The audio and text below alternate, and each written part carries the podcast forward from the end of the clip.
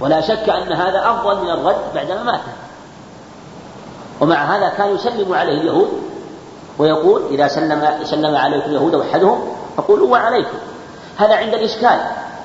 أما إذا علم أنه يقول السلام عليكم وتحققت أنه لا يقول السام وضحت فترد عليه فتقول وعليكم السلام من باب العدل وحتى آه، ترد عليه التحية بمثلها لكن الكلام إذا أشكل ولم يتبين.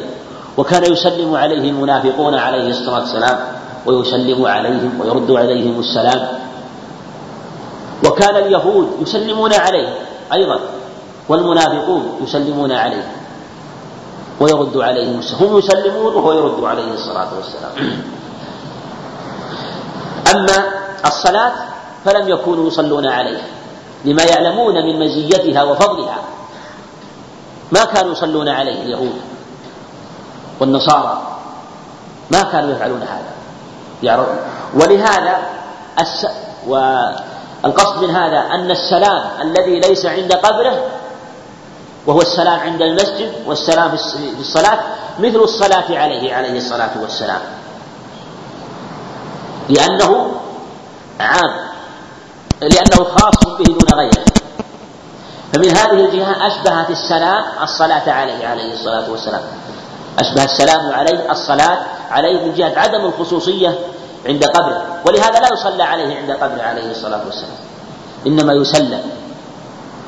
فهذا يبين لك أن هذه المواضع مما خص بها عليه الصلاة والسلام. وقد سبق أن أشرنا إلى حديث أبي هريرة من صلى عليه صلاة صلى الله عليه بها عشرة. هذا عام في كل مكان. وفي هذا الحديث أشرنا إليه أنه قال ما من عبد يسلم ما من أحد يسلم إلا رد الله عليه الروح حتى أرد عليه السلام. حتى أرد عليه السلام. ما ذكر فضلا. ما ذكر فضلا. إنما مجرد أنه يرد عليه السلام عليه, عليه الصلاة والسلام. أما السلام عليه عند غير قبله فإن من سلم عليه سلم الله عليه عشرة. وقد جاء هذا في حديث لا بأس به عند النساء من حديث أبي طلحة. أنه عليه قال من سلم علي أنه أتاه يوما أو خرج على أصحابه يوما عليه الصلاة والسلام وفي وجهه البشر يعني فرح. فقال إن جبريل أتاني وأخبرني عن ربي عز وجل أنه من صلى علي صلاة واحدة صلى الله عليه بها عشرة ومن سلم علي سلم الله عليه عشرة. ولا شك أن سلام الله على العبد لا يعادله شيء. أفضل من سلام غيره. وسلام الله عليك أفضل من سلامه عليه الصلاة والسلام. بل إنه سبحانه وتعالى يسلم عليك عشرا أما السلام عند القبر لم يأتي فيه هذا الفضل ولا أن الله يسلم عليه. مع أنه تسليم لا ليس عند قبره بل هو إما عند دخول المسجد أو الخروج منه أو في الصلاة هذا من جهة المعنى العام. إذا قلنا إنه يمكن أن يزار قبره.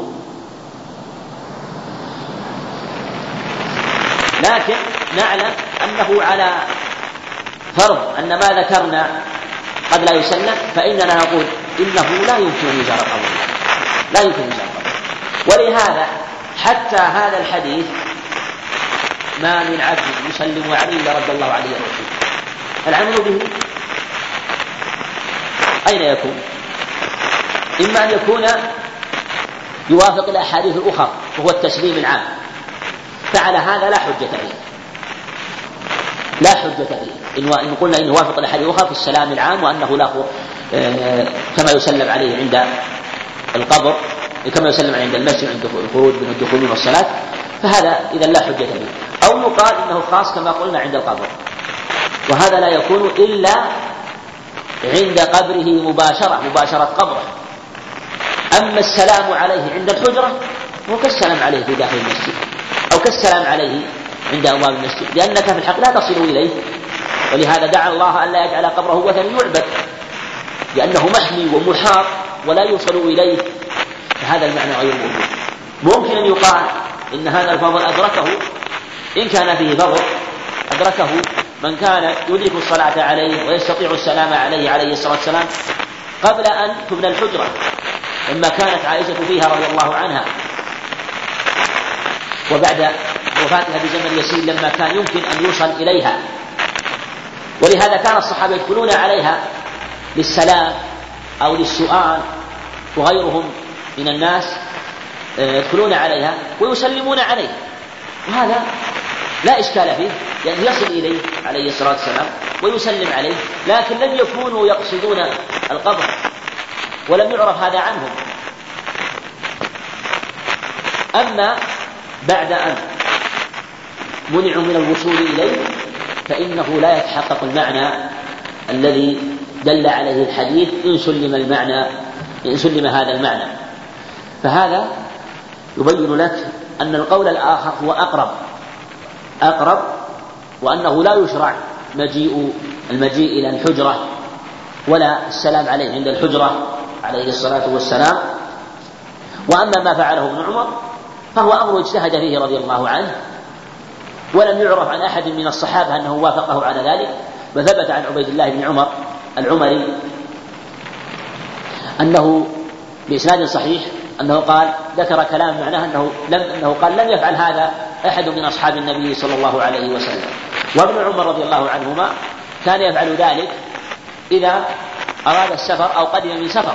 لم لم يكن دائما رضي الله عنه. وكان يقف عند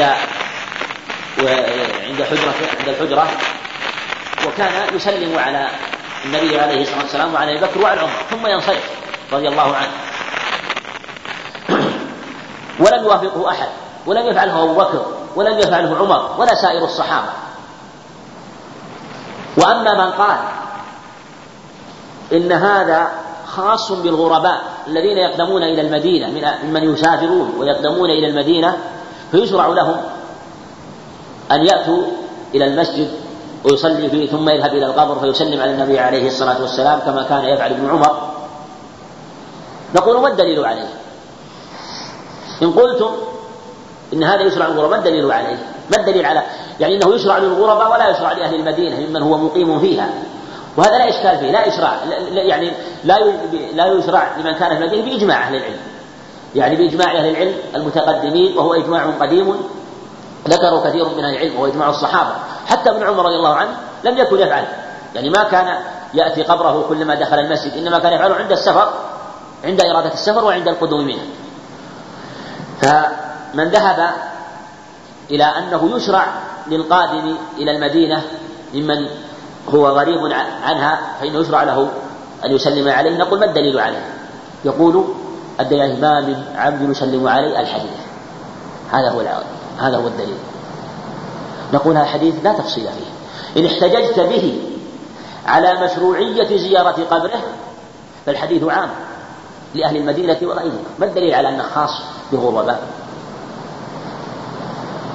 إما أن تلتزم عمومه وهو لأهل المدينة وغيرهم فيلزمك مخالفة إجماع الصحابة. وهذا لا يقول به ما جاء عن أحمد رحمه الله وما يروى عن مالك أيضا إنما قالوا بقول ابن عمر.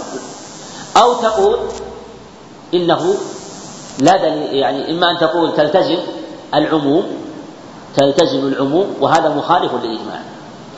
أو تقول بالتفصيل وهذا مخالف للحديث. واحد من الأمرين. إذا لم يبقى إلا أن يقال إن الحديث لم يدل على هذا المعنى البتة. لم يدل عليه البتة. فيحتاج إلى تخريج هذا الحديث من جهة المعنى. ممكن يقال من باب التخريج إن صح يعني الجواب الأول أن الحديث في ثبوت نظر. الأمر الثاني يمكن يقال يعمل أنه يمكن في حق من كان يصل إليه عليه الصلاة والسلام.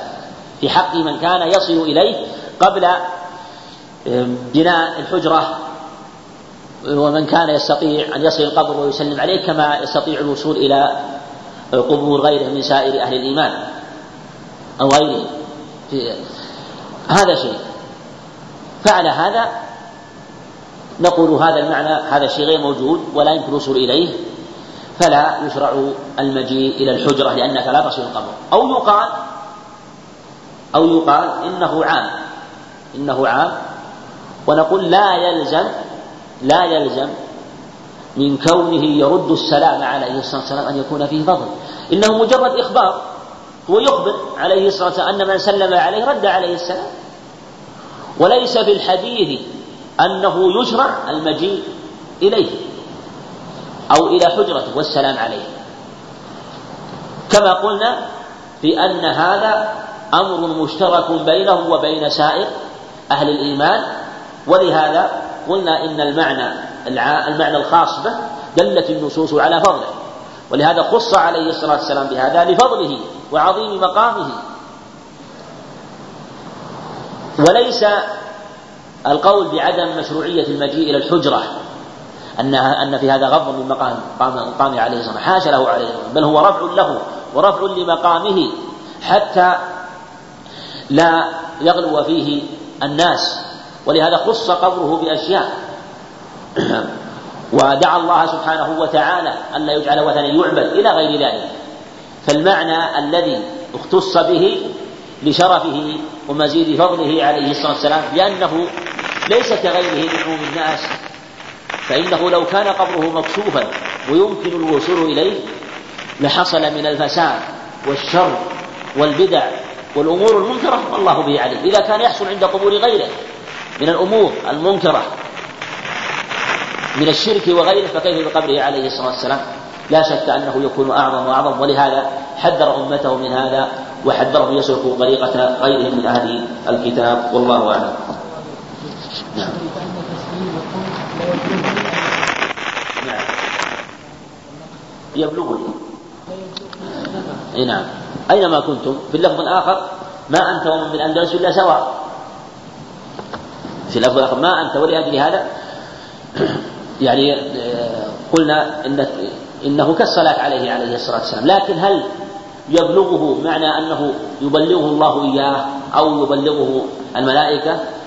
ثم أيضا ننبه لأن في حديث ورد من صلى من آه، قال من سلم علي عند قبري سمعته ومن صلى علي نائيا بلغته.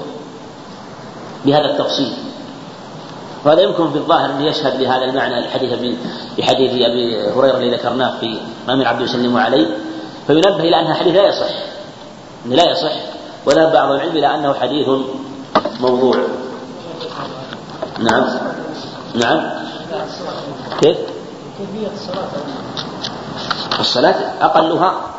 يعني إذا قلت اللهم صل على محمد أو صلى الله على محمد حصلت حصل الفضل. وإذا صلى عليه صلاة تامة يكون الفضل أعظم. اللهم صل على محمد وعلى آل محمد. يكون الفضل أعظم.